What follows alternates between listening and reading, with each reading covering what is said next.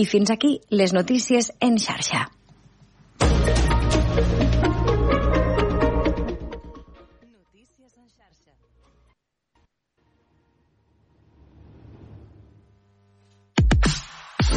Obert per vacances amb Manel Ferrer.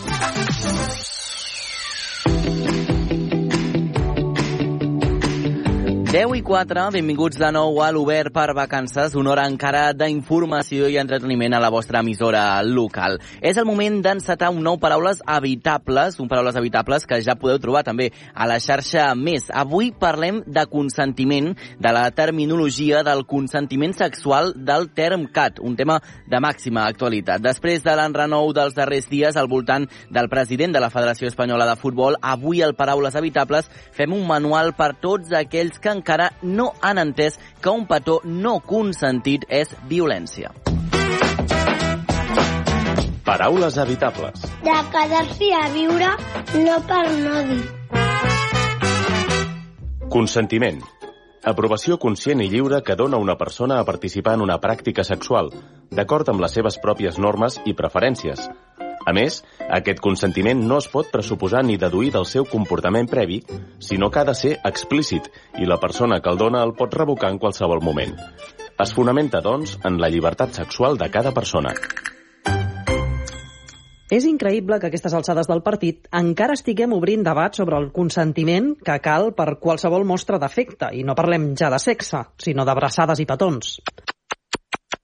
En fi, avui parlem d'aquesta definició per endinsar-nos en la terminologia del consentiment sexual del TERMCAT, que coordina la Sandra Quadrado. El terme consentiment és un derivat de, de la forma verbal consentir, que alhora prové de, del llatí consentire, i es documenta per primera vegada en català en un text de Ramon Llull al segle XIV. El consentiment, d'acord amb el Diccionari Normatiu de l'Institut d'Estudis Catalans, en l'excepció de dret, que és la que ens interessa en aquest àmbit terminològic, és un acord deliberat, conscient i lliure de la voluntat respecte a un acte extern propi o estrany.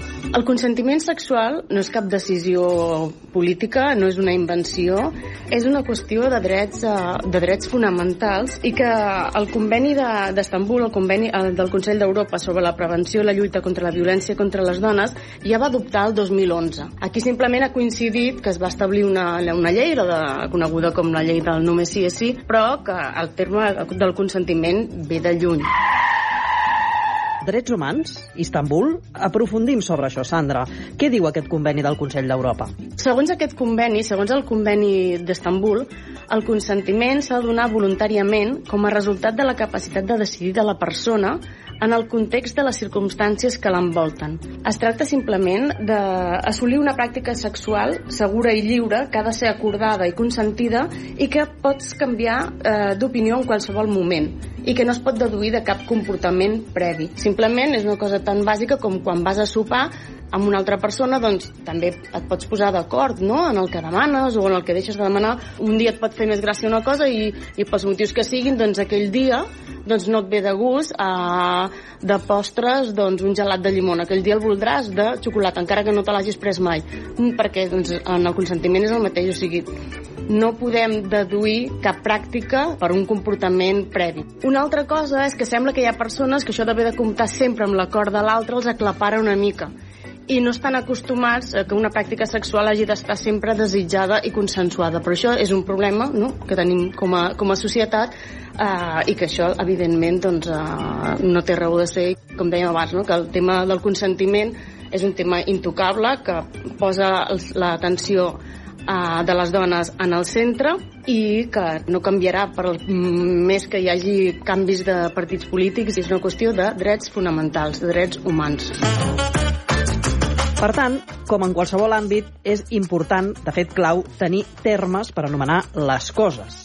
Tenim la paraula consentiment des de temps de Ramon Llull, però i la resta del vocabulari? L'assetjament sexual, per exemple. El terme assetjament sexual, en anglès sexual harassment, es registra per primera vegada l'any 1974 per Mary Rowe al MIT, a l'Institut de Tecnologia de Massachusetts, i es fa servir per descriure conductes masculines inapropiades.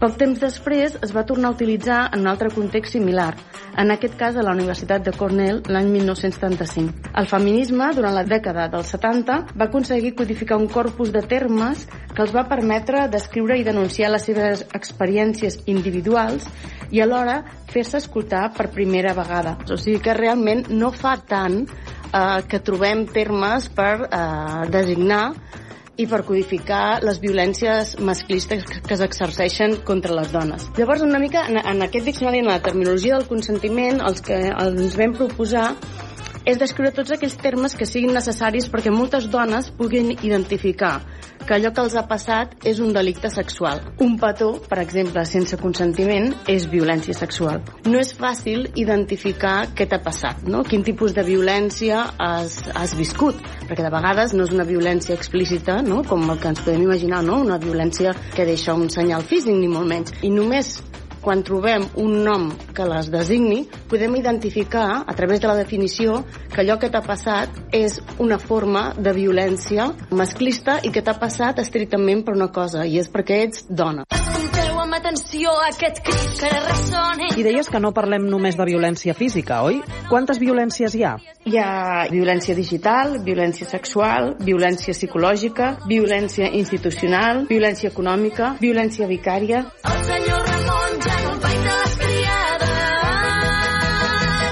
No.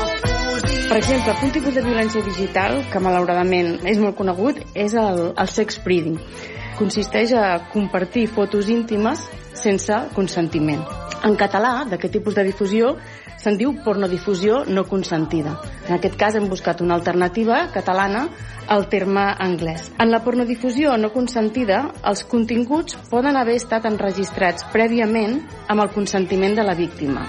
En aquest cas estaríem parlant de sexting.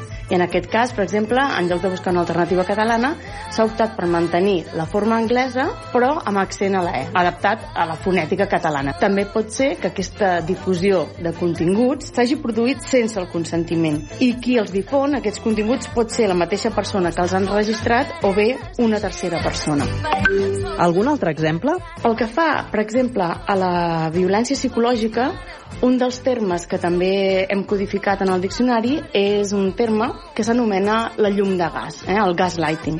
A casa nostra, una de les principals divulgadores d'aquesta forma ha estat l'advocada Carla Vall, que ens va ajudar a, a codificar també la definició del terme i ens va ajudar a fer difusió de la proposta catalana com a alternativa a aquest manlleu, a la forma anglesa gaslighting. Aquest maltractament psicològic consisteix en manipular a una persona mitjançant la negació persistent, la contradicció o la mentida, amb el propòsit de provocar-li confusió i fer que es qüestioni la seva memòria, la seva percepció i la seva salut mental. El terme gaslighting té l'origen en l'obra de teatre Gaslight del dramaturg Patrick Hamilton, de l'any 1938, i també en les adaptacions cinematogràfiques posteriors, en les quals un marit convenç lentament la seva dona que està boja, modificant la intensitat dels llums que funcionen amb gas i negant que l'ambient s'enfosqueixi. I per punxar-los als collons.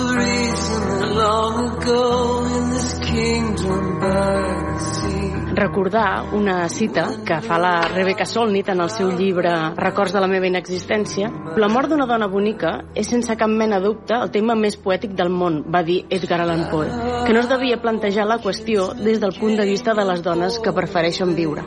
D'aquest supòsit romàntic, que simplement és l'embolcall d'un pur relat de terror, almenys pel 50% de la població, han passat dos segles. I aquesta mena de discurs pretesament estaticista que posiciona les dones en l'escenari de les víctimes és encara, malauradament, vigent. Per això era necessari canviar aquest paradigma de la cultura de la violació a la cultura del consentiment, que posés eh, el paper i la veu de les dones eh, al centre.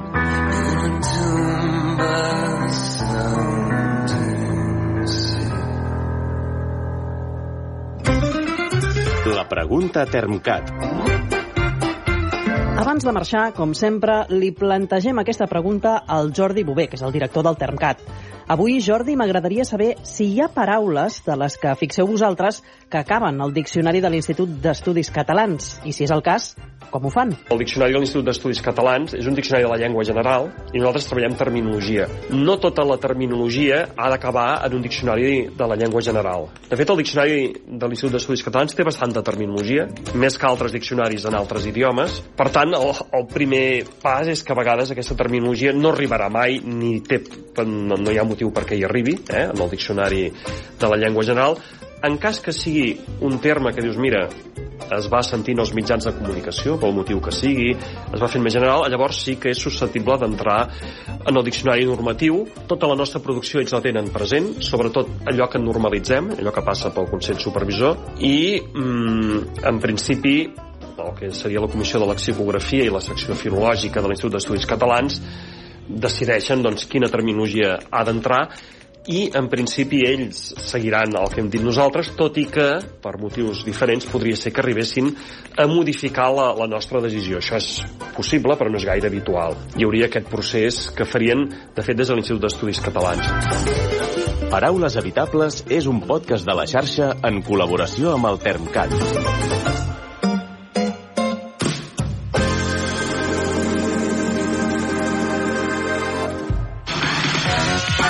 Al Saló del Manga? Envia'ns un àudio al 628 841 055 amb el teu nom, dient des d'on ens escrius, el teu personatge preferit de la primera temporada de l'Espai Z i entraràs al nostre sorteig setmanal. Obert per vacances. Un quart d'onze del matí, ara a l'Obert per Vacances, ens endinsarem en els temples vinícoles dels coneguts cellers cooperatius que a principis del segle XX van anar brotant. Aquestes petites meravelles de l'arquitectura vinícola avui en dia encara són molt importants i per parlar-ne avui tenim amb nosaltres l'historiador de l'art i museòleg Damià Amorós. Molt bon dia, Damià, com estàs?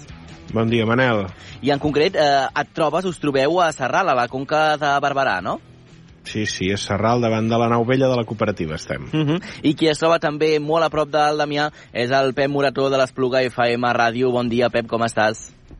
Molt bon dia, Manel, molt bé. Aquí ara ja refresca més Oh, davant de- d'aquesta catedral, d'aquesta bellesa arquitectònica que tenim aquí al nostre darrere i també de totes aquestes catedrals del vi per parlar-ne. Damià, molt bon dia de nou.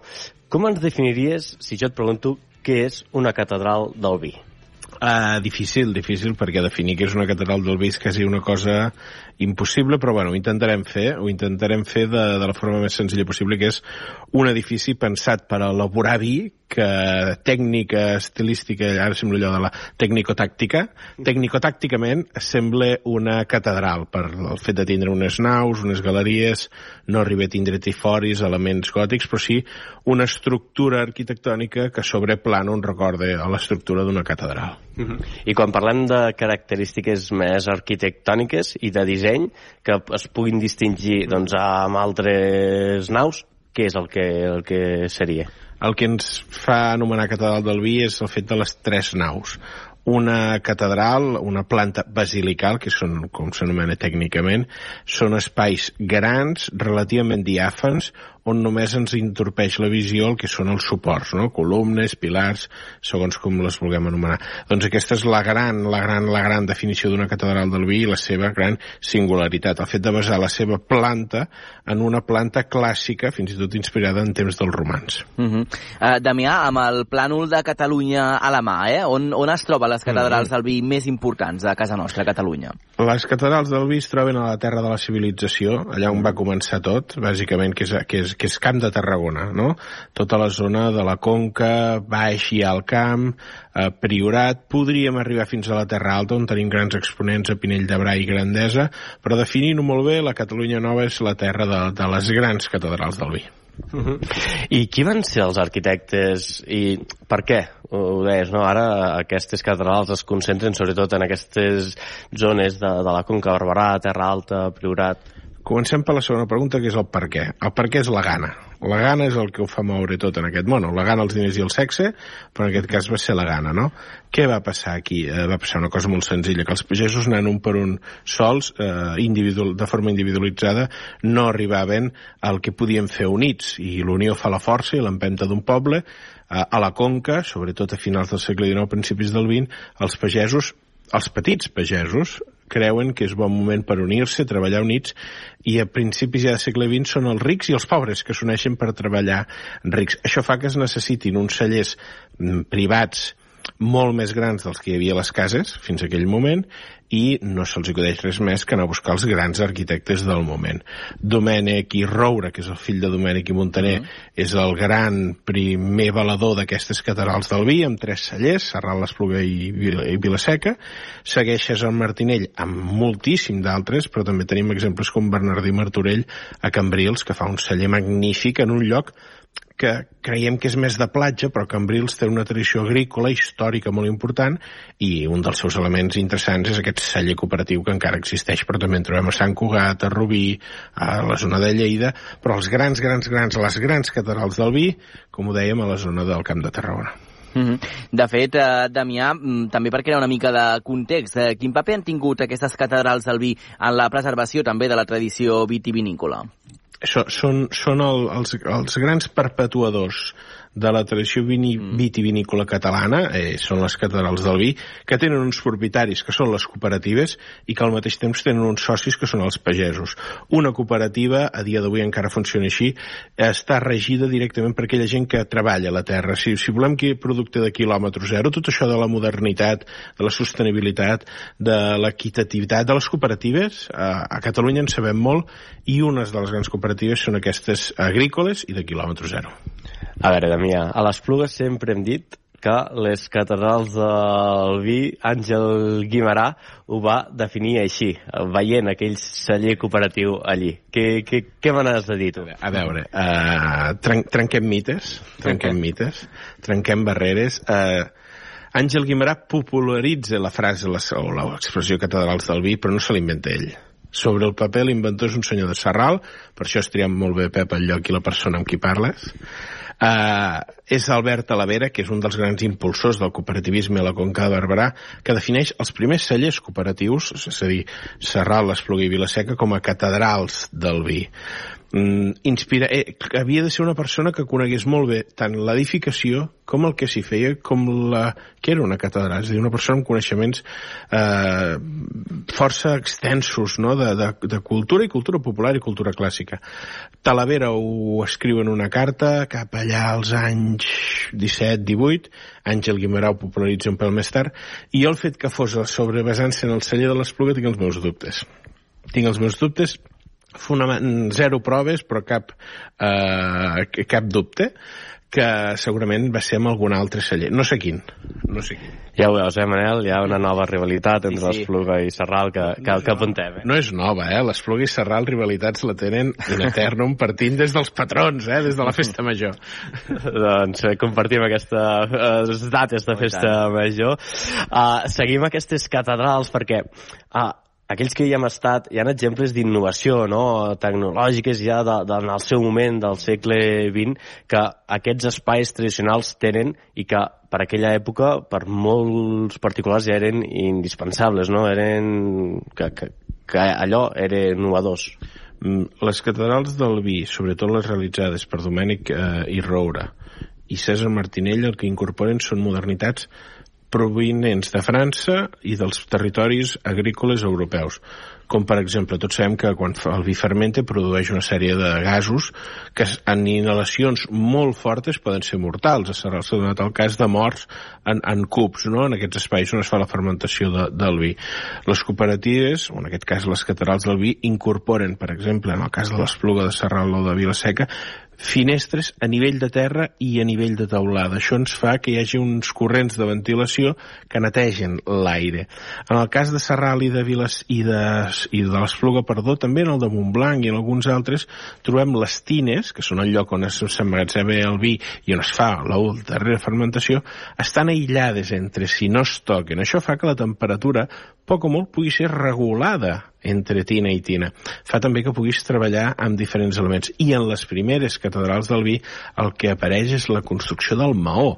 Tot, eh, si els oients han estat al passeig de Sant Joan de Barcelona, recordaran l'Arc del Triomf, que està fet amb maó. Doncs aquell és un dels primers hits de l'arquitectura sobre maó a Catalunya, que posteriorment passarà a aplicar-se en mans d'Antoni Gaudí en el Palau Güell o al Camp de Tarragona en les catedrals del vi. Mhm. De fet, eh, hi ha moltes fites, eh, moments i, i espais que han format part de la història, però que després també doncs, han acabat eh, desapareixent o no tenint eh, gran importància. Eh, en el cas eh, d'aquestes catedrals del vi, com s'han anat adaptant amb el pas del temps per continuar sent també rellevants avui en dia i que, per exemple, doncs ara els hi estiguem dedicant a aquest espai, a aquesta entrevista? Mira, el primer manel ha estat, per sort, la conservació. Això que dèiem de la fam va fer que, que, que anéssim tots junts, doncs també ha fet que la fam eh, conservi aquests edificis perquè són edificis enormement funcionals i que els podem fer servir. La segona és la innovació que vam posar des del principi. Si aquests edificis no haguessin sigut innovadors, no tindríem la possibilitat de la seva conservació perquè necessàriament els haguéssim tingut o els haguéssim eh, haver de, de, de canviar, de transformar per les necessitats del segle XX. I el segle XXI jo crec que tenir una catedral del vi dona solera en aquella entitat, en aquell municipi, en aquell grup de pagesos. Pots, eh, tenim un fet identificatiu que és que ens podem eh, veure en un mirall en els nostres avis. Uh -huh. I aquest fet fa que tinguem un especial interès per conservar-les.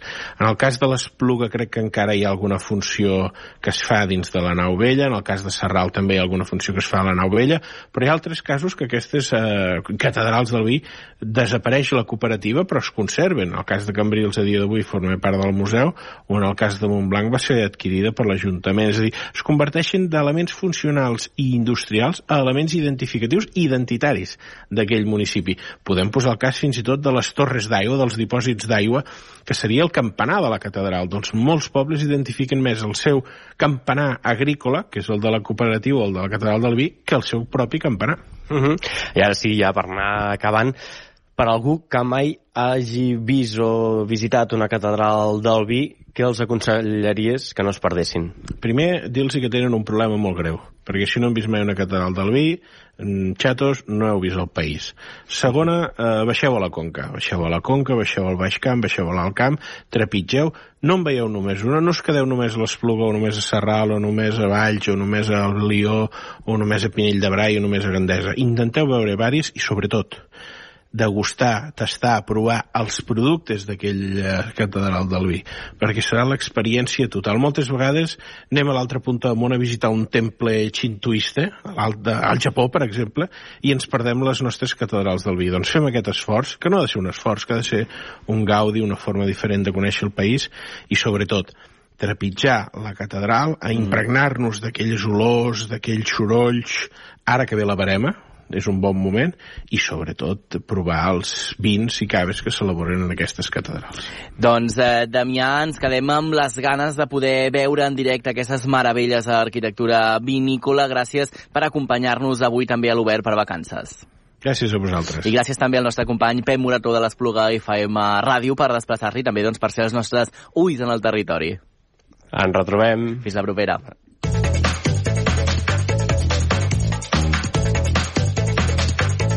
Quatre minuts per dos quarts d'onze del matí és l'hora d'anar cap a Vic per descobrir on s'ha posat en Miquel Giol, que a primera hora ens comentava que era en un edifici o en un dels edificis més turístics de la ciutat, però ens hem quedat amb la intriga de saber on es trobava. Miquel, on estàs?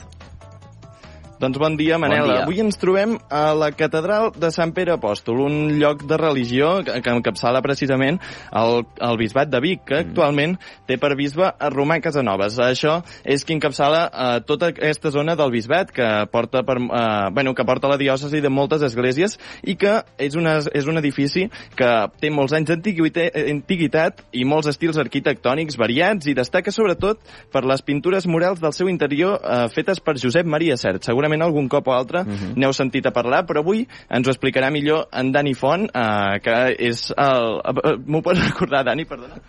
Sí, sóc el delegat episcopal del Patrimoni Cultural del Bisbat de Vic. Això mateix, perdoneu, que, que havia tingut el lapsus. Uh, Dani, això, uh, quan apareix aquesta catedral de Vic? És molt antiga, ha tingut moltes reformes, però uh, en un primer moment, quan és que apareix? La catedral, eh, situada en el lloc on està ara, és una construcció del segle IX. Eh? Abans eh, havia existit a Vic, hi ha una catedral eh, cristiana a partir del segle V, però estava situada en un altre lloc de la ciutat de Vic. Um, és això, ha tingut, uh, ha tingut alguna remodelació? Sempre ha estat com la podem veure ara, en les seves dimensions, en la seva arquitectura, tots els punts uh, així d'interès que té? Uh, no, evidentment, amb més de 1.100 anys d'història, uh, l'edifici de la catedral ha canviat moltíssim. O sigui que no s'ha bellugat l'emplaçament i una mica com, com totes les esglésies uh, antigues, al final acaben sent una suma de diferents parts, una mica eh, amb més o menys harmonia, però les esglésies solen tenir parts més antigues, més modernes, reformes, eh, eh, parts més eh, que s'han enderrocat, i la catedral de Vic una miqueta doncs és un edifici, hores d'ara, el que veiem és una construcció que es va eh, consagrar a eh, principis del segle XIX, l'any 1803, un edifici neoclàssic, gran, imponent, en el qual podem observar eh, parts medievals molt interessants, com el campanar de Vic, per exemple, el claustre o la cripta, i podem observar també altres eh, afegits del temps, com serien les pintures que parlaves al principi de Josep Maria Cert, que les que veiem ara van ser pintades l'any 1945. Per Mhm. tant, és un edifici, com tots, oi, ple, és una barreja de diferents estils, de diferents moments històrics i de diferents eh, elements de patrimoni, tots ells molt interessants. Uh, Dani, les pintures de Josep Maria Cert eh, són dels punts més importants de la catedral i per molts també coneguda bàsicament per aquestes. Quines són la seva història? Sí, és, és veritat. Eh, és veritat que la, quan una persona entra a la catedral de Vic eh, queda impactada uh -huh. quan és a dintre perquè entra en un espai religiós que no s'assembla a res del que ha vist mai. Eh, cert, era un pintor eh, que, va, que va començar a treballar a finals del segle XIX i eh, coneixia el bisbe de Vic quan eh, el, Josep, el bisbe Torres i Bages el fan bisbe de Vic, eh, doncs els diferents artistes que coneixia li fan, li regalen alguna pintura, una cosa així. I cert, eh, ve aquí li, li demana que li deixi eh, una església petita, perduda, una cosa petitona, perquè en, en cert la voldria pintar per dins. I el bisbe, que acabava de ser anomenat bisbe de Vic, tenia la catedral eh, de Vic blanca, oi? perquè l'havien fet 100 anys abans, amb guix, i estava buida. En el, hi havia les capelles, oi? Però el que era la, la nau central estava buit. I el bisbe Torres i Bages li ofereix que pinti no pas una església petita, sinó la catedral sencera. I aquí comença un dels projectes artístics més impressionants de tot el segle XX, perquè el mateix cert la planteja tres cops. Planteja una decoració als, principis del segle XX, que no fa, planteja una altra segona versió al voltant de l'any 16 que s'inaugura amb un èxit europeu espectacular, quan cert ja és una figura europea de, de, de renom, i aquesta pintura es crema l'any 36, quan a l'inici de la Guerra Civil s'incendia la catedral sencera. I el mateix cert torna a fer un tercer projecte que eh, s'inaugura l'any 1945, just en la data de la seva mort, que és el projecte que podem veure ara. És una aventura artística cultural de primera fila i molt, molt escassa en el panorama cultural. Comentaves això, que per l'inici de la Guerra Civil, el 36, hi va haver-hi un incendi que va cremar la catedral i que, de fet, va fer malbé totes aquestes pintures. I ara podríem dir eh, que veiem aquí que hi han exposades algunes de les pintures, eh, de les originals de la primera pintada d'en Josep Maria Cert que es van saltar, eh, que es van salvar del primer incendi. En què consisteixen aquestes pintures? Sí, quan el- l'any 36 eh, s'incendia la catedral, eh, calen foc eh, al mig de l'edifici i la taulada eh, crema tres dies i la taulada cau. Però les pintures que estaven situades a darrere l'altar eh, el sostre no en cau. Llavors l'any 39, quan tornen a plantejar-se la restauració, treuen, arrenquen aquestes pintures, perquè són totes, tant les d'abans com les d'ara, teles eh, clavades a la paret, doncs l'any 39 arrenquen aquestes pintures que es havien salvat, poques a darrere l'altar, i no les fan servir en la nova decoració. La nova decoració, cert, el planteja completament nou. Llavors, aquestes quatre pintures es compren eh, al Museu d'Art Modern de Barcelona, passen al Manac, i ara fa un, eh, res, fa poder mig any, els hem tornat a portar en un espai del, de la catedral, de tal manera que, per dir una cosa, han tornat, han tornat a casa. Són quatre teles dels quatre evangelistes, que ens permeten veure una mica la diferència estilística eh, i sobretot eh, a nivell de, de la tècnica que feia servir cert en les pintures de l'any 26 i les que podem veure ara l'any 45. Uh -huh. eh, Dani, què representen per la catedral poder tornar a exposar unes obres que tenen eh, tanta història aquí? Home, per nosaltres ens ha fet realment molta il·lusió, perquè eh, una, un, el, el Cert és una, una figura artística molt controvertida, oi? és un home això que arrenca eh, des de seus, la seva formació del tot cristiana, al voltant del bisbe Torres i Bages, però eh, agafa molt ràpidament un ressò europeu, se'n va eh, a Europa, viu tots els anys 20, participa en aquest món glamurós oi, de, de, de la, entre guerres a Europa, i és una figura una mica controvertida. L'any 45, quan torna a pintar, eh, és cert que també, a part de ser un bon pintor, sobretot és, un, és també un bon, eh, per dir-ho, gestor cultural, eh, va a Madrid a buscar diners i eh, ell mateix doncs, lliga el que seria el nou govern eh, d'Espanya oi, amb les pintures. Troba que és la manera de tenir diners per tornar a fer la, la pintura. Això fa que als anys 70, 80 es vegi, s'associï molt el tema de la figura de cert amb el tema del franquisme. I eh, això, per bé que és cert, també és una mica injust a nivell global. I ara eh, ha passat molts anys de moltes coses i ens fa il·lusió poder retornar eh, a mirar o poder mirar l'obra de Cert i la seva aventura artística amb tota la seva dimensió completa i donar-li un valor que potser a vegades l'hem menys tingut per aquest eh, fet més polític. I per tant, quan tornen aquestes obres a la catedral, eh, estem contents perquè anem completant la visió cultural, artística, històrica, sensible de tot el conjunt catedralici que cert hi va poder, hi va poder donar. Doncs eh, fixa't, eh, parlàvem, ens hem centrat molt en aquestes quatre peces, però quins altres ornaments o instruments de valor teniu també a la catedral que no ens podem perdre si us visitem? Home, eh, a mi m'agrada molt entendre els edificis com una evolució que cada època hi deixa petjada, no? Mm. De la part romànica encara queda la catedral, el campanar, que és un, un espai magnífic i que ara, amb la restauració que hem fet de la casa del costat, es pot veure tot des de que toca a terra fins que arriba a dalt i ens permet veure que en el seu origen romànic eren dos edificis separats, la catedral i el campanar, eh, eren, estaven eh, separats. Eh, D'aquest moment romànic queda la cripta també, que és molt interessant.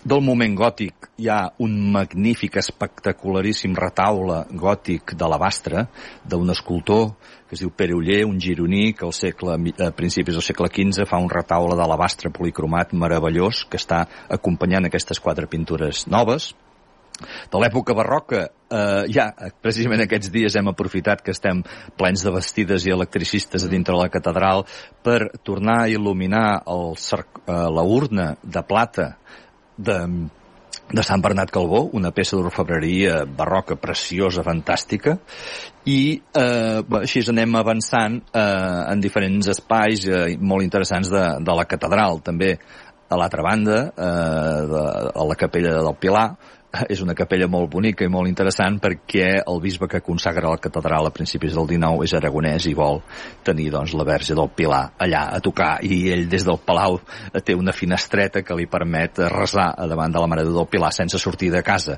I és una capella molt pròpia d'aquesta època de principis del 19 quan la vida eh, ja ha canviat molt i el barroc s'està morint i la, el, volen, el volen matar. Eh? I és els testimonis d'aquesta nova eh, arquitectura i nova declaració.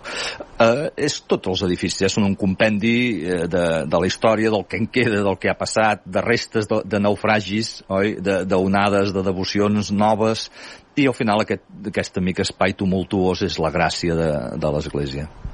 Precisament comentaves això, hi ha tot tipus d'estil, des del gòtic fins al neoclàssic, inclús el campanar romàntic, que romàntic, ai, romànic, perdó, que amb 46 metres d'alçada, si no m'equivoco, és el campanar romànic més alt de Catalunya. Uh, comentaves això, amb tants tipus d'estils com és que amb les noves uh, reestructuracions que es van fent de la catedral s'aposta per fer-los de tants estils variats i no es busca una forma co- per fer-la d'alguna manera tota uh, igual, del mateix estil.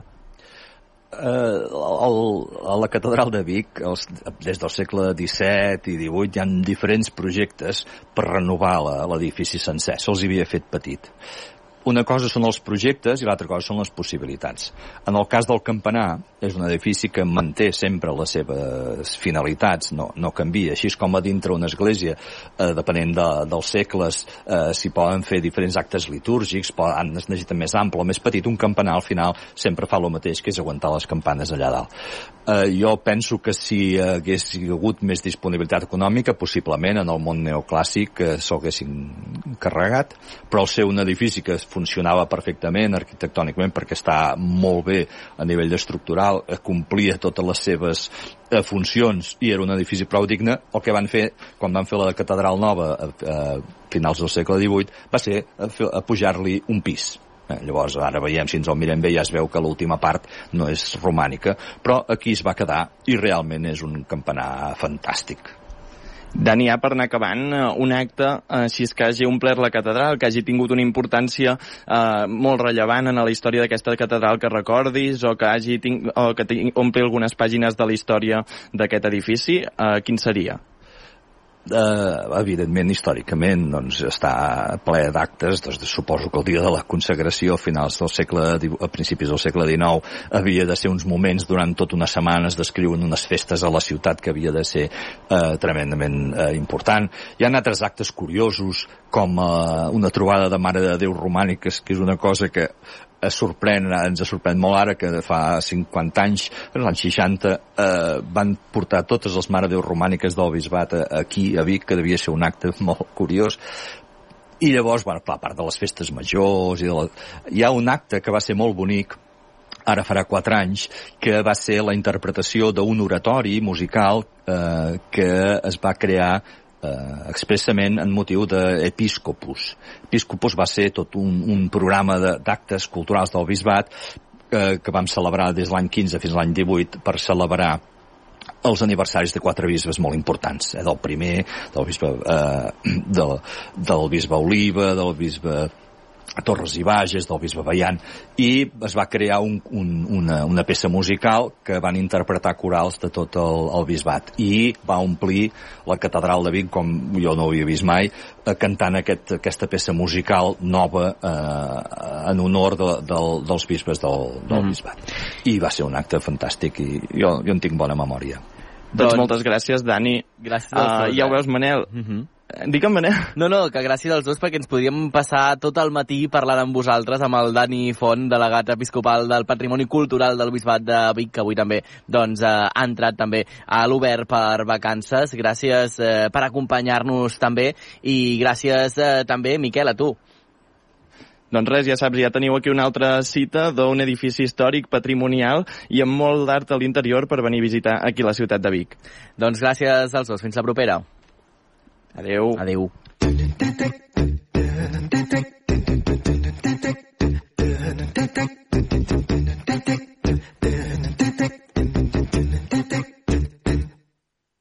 Deu 41 seguim a l'Obert per vacances. És el moment de descobrir un nou, uns nous premis binari. Avui tastem i maridem el vi negre Cabrida 2020, Gran Binari d'Or 2022, amb la responsable de comunicació del celler Capçanes, la periodista Alba Triador, el sommelier Ramon Roset, director dels Premis Binari. Som-hi.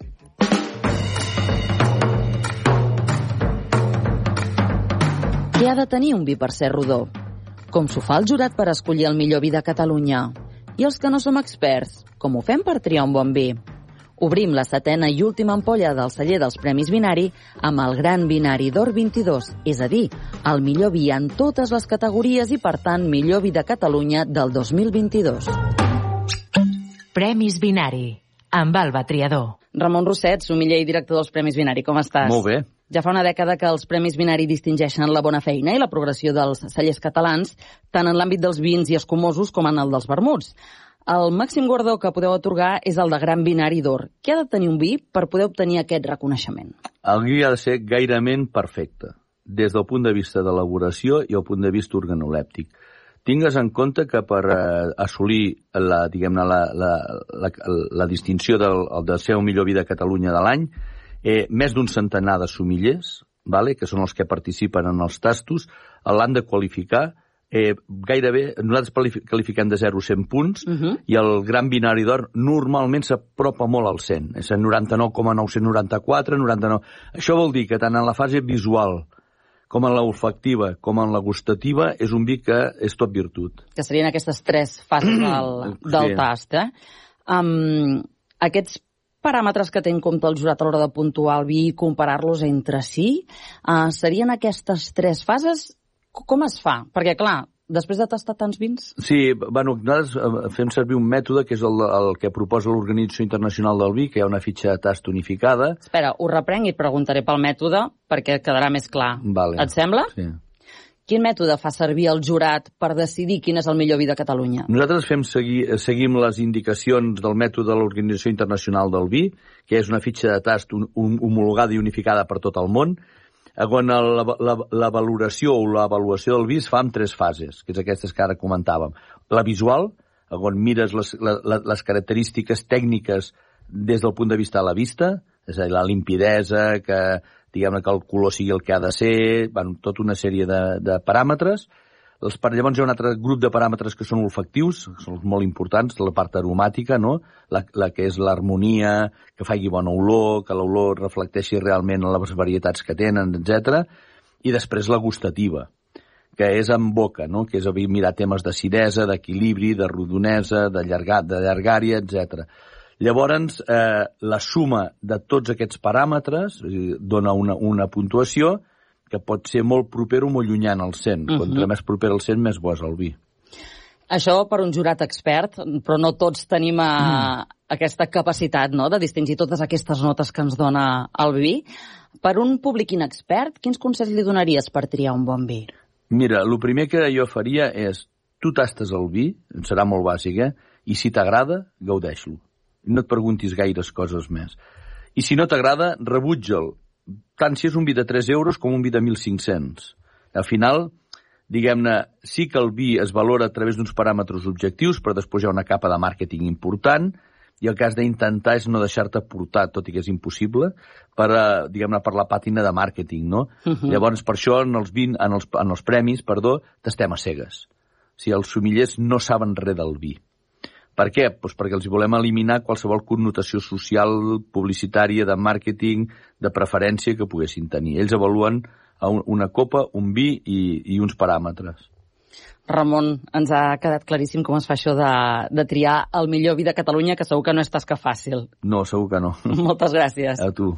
Els Premis Binari han reconegut amb el Gran Binari d'Or 2022 el Cabrida 2020 del celler Capçanes. Marxem fins a Capçanes per conèixer una mica millor aquest vi. Ens en parla l'Helena Pagès, responsable de comunicació del celler. El vi cabrida del celler de Capçanes és un vi fet 100% de la varietat de raïm garnatxa negra, molt típica de la comarca del Priorat, eh, que és una varietat molt expressiva, amb moltes notes perfumades en nas, eh, i en el cas del cabrida també té un destacat toc eh, herbaci o, o, o vegetal que dona una sensació molt refrescant en boca. Um, bàsicament el que destaca són els fruits vermells, la maduixa, la cirera, eh, i és un vi molt, molt golós, molt agradable de, de beure. Després de la criança es fa en un fudre de, de fusta de roure francès durant un any sencer, el que li aporta doncs, això, una suavitat molt, molt delicada i, i arrodoneix els tanins. Amb tota aquesta informació, ja només ens falta saber quina és la proposta del celler per fer un bon maridatge.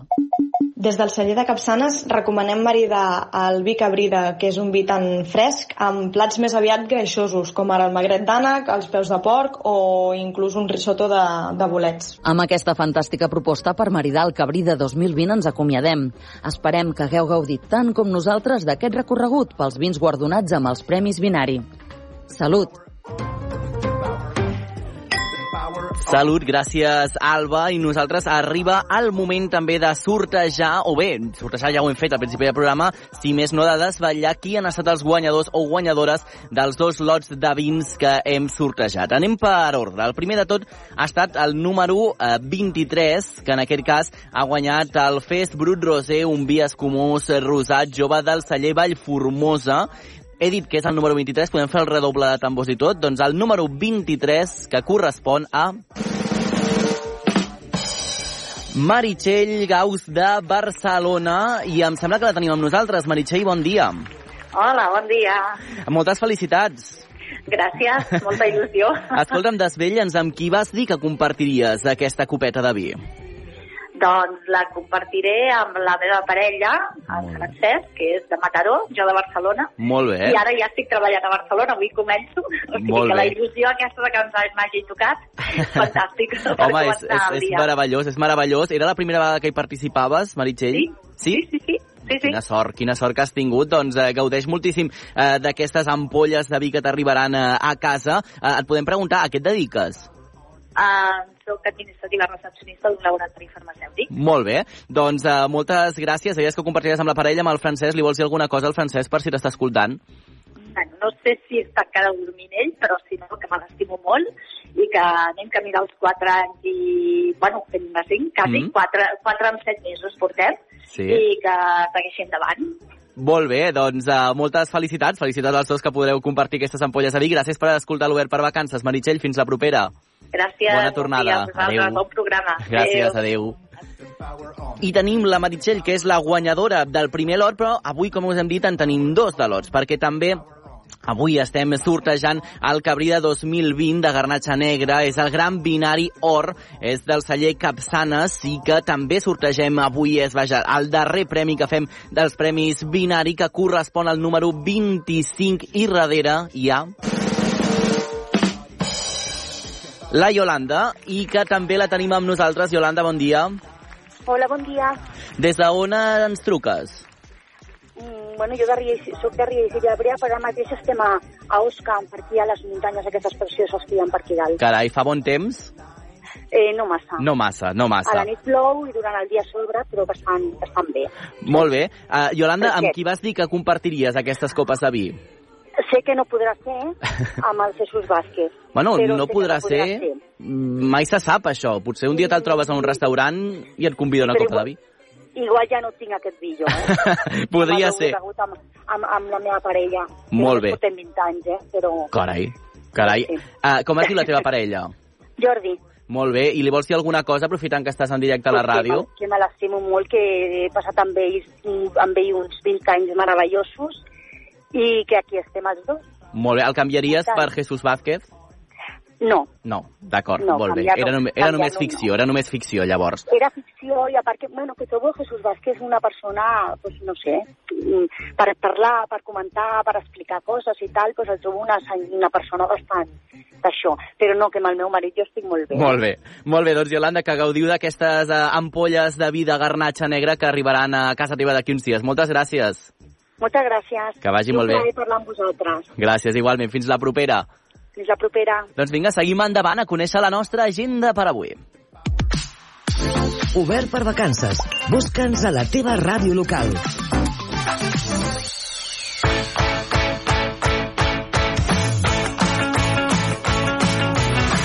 Deu 51, 9 minuts per arribar al punt de les 11. Tornem del cap de setmana amb les piles carregades, però mai està de més apuntar uns quants a unes quantes propostes per intentar allargar una mica més el lleure. Per aquest intent comptem, com sempre, amb la veu de l'Àlex Riba. Molt bon dia, com estàs, Àlex?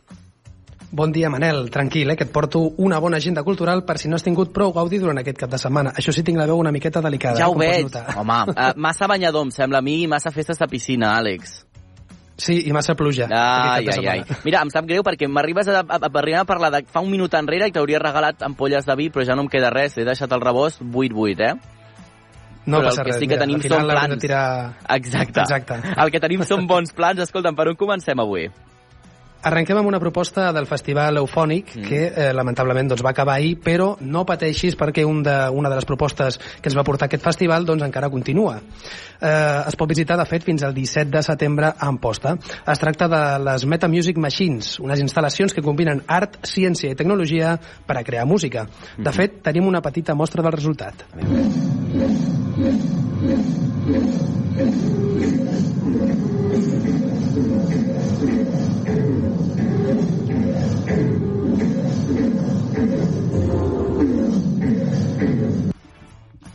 Què t'ha semblat, Manel? Uh, molt inspirador, podríem dir. No? Molt bé, potser l'explicació del creador del, de la Meta Music Machines, Òscar Martín, sí? pot ajudar-nos a entendre una miqueta millor com funciona aquesta obra. La idea es que a partir del aprendizaje maquínico extraer como una síntesis de esta diversidad para crear nuevas músicas. En este caso es material rítmico que se expresa a través de la luz y el sonido. Es una experiencia intensiva y que también se relaciona con la arquitectura y con los cuerpos en el espacio. Just el que si jo teniu deia. Curiositat, podeu visitar... Sí, exacte, és que ja, ja, ja ho sabíem naltros, però bueno, per si un cas, si teniu curiositat, podeu visitar les instal·lacions de forma gratuïta a l'Opati del Centre d'Art Terres de l'Ebre, ubicat en Posta. Molt bé, eh, doncs això va ser per una banda l'eufònic, que l'afònic ets tu, és a dir, tenim l'eufònic i l'afònic, les dues eh, bandes diferents, ja tenim una cosa més apuntada a l'agenda, i què més tenim per la nostra agenda d'avui? Acabarem amb el Mas i Mas Festival, tot un clàssic del mes d'agost a Barcelona. Es tracta d'un esdeveniment que, tot i que inclou molts estils, se centra principalment en el jazz, i de fet va ser el primer festival en aconseguir introduir aquest gènere en el Liceu. L'edició d'enguany està en marxa des de finals de juliol i s'allargarà fins aquest dissabte. El festival està donant peu a més de 160 actuacions repartides a diferents espais de la ciutat, entre elles les sales de Mas i Mas, el Palau de la Música i la Paral·lel 62. Doncs és eh, perfecta aquesta proposta que ens arriba i que sumem també doncs, a, a la nostra agenda i queda anotadíssim totalment eh, doncs, per poder-hi participar. Tu amb quina et quedaries, Àlex? Jo em quedo... Home, m'ha despertat molta curiositat Mhm. eh, la Meta Music Machines. Molt bé. Doncs escolta'm, aquesta ja hem pogut escoltar aquest petit tastet que també doncs, vosaltres, si hi aneu, doncs podreu gaudir-lo en persona, que segurament també doncs, és diferent eh, que escoltar-ho per la ràdio. Alguna cosa més, Àlex? Doncs no, que em recuperi ja per demà. Esperem que sí, esperem que sí. Va, cap a casa, descansar una estona i gràcies i fins demà, que vagi bé. Fins demà. Adéu.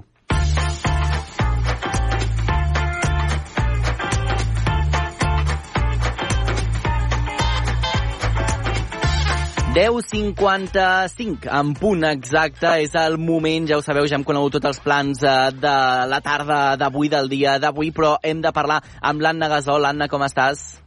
Bon dia, Manel. Sí, el nostre espai que ens ocupa del Oh, i sorteig de la cançó de l'estiu. Mm -hmm. Que seguim encara aquesta setmana, eh? tota aquesta setmana recollint propostes per eh, tenir un nou guanyador o guanyadora el divendres. De què, Anna? Guanyaríem, és a dir, el guanyador, Sí? sortegem 60 euros que s'acumularan al vostre compte de client de bon preu. Si el teniu i si no el teniu es pot fer facilíssim Mhm. trucant a bon preu o a la pàgina web i sortegem aquests 60 euros eh, que s'acumulen per bescanviar-los en qualsevol supermercat bon preu. Molt bé, doncs aquest és el premi que fem aquests 60 euros enviant les vostres eh, propostes al 628 841 055 dient el nom, el lloc i també quina creieu que és per vosaltres la cançó de l'estiu. I tenim propostes, Anna. Tenim propostes, perquè recordem que aquest sorteig es manté fins l'últim dia eh, de Oh, i programa. tant, fins divendres. Fins divendres, mireu. Soc Lia de Lleida la, i la cançó de l'estiu és que la detenga, que la detenga, que es una mentirosa, malvada y peligrosa, ya no la controlar. Que la detenga, que es una mentirosa, malvada y peligrosa, dejar. Vull que l'Ian No. sigui el meu fill. Totalment, Soc gran Elis de referent. Tarragona. Tinc 5 anys. Molt bé. La cançó de l'estiu és Mi gran noche de Rafael. Ui, sembla que ¿Qué moderns aquests nens, eh? pasará? ¿Qué misterio habrá? Puede ser mi gran noche. Pam, pam, pam. Y al despertar que mi vida sabrá algo que no conoce. Tan, taran, tan. Doncs escolta'm, amb ells marxem, ara se'ns acaba el temps amb Rafael i amb els nostres nens. Gràcies, Anna, i fins demà a vosaltres.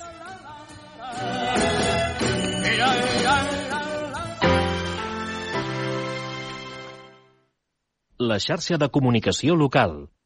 Sempre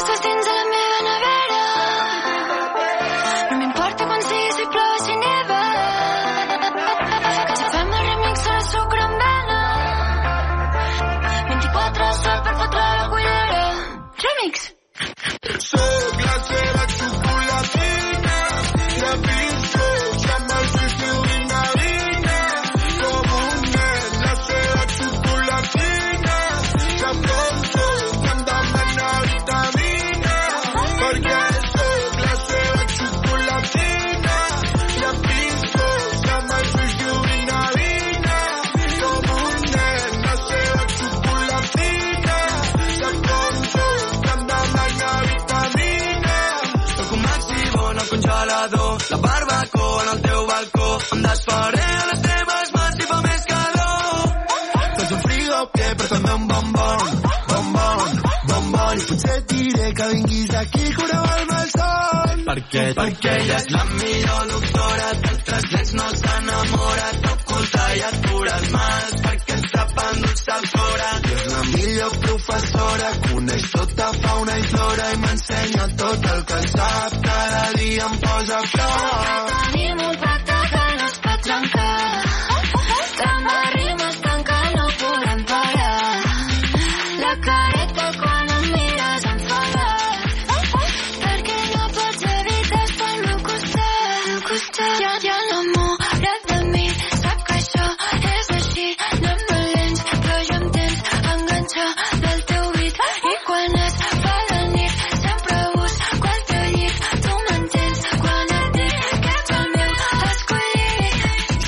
De la teva nevera.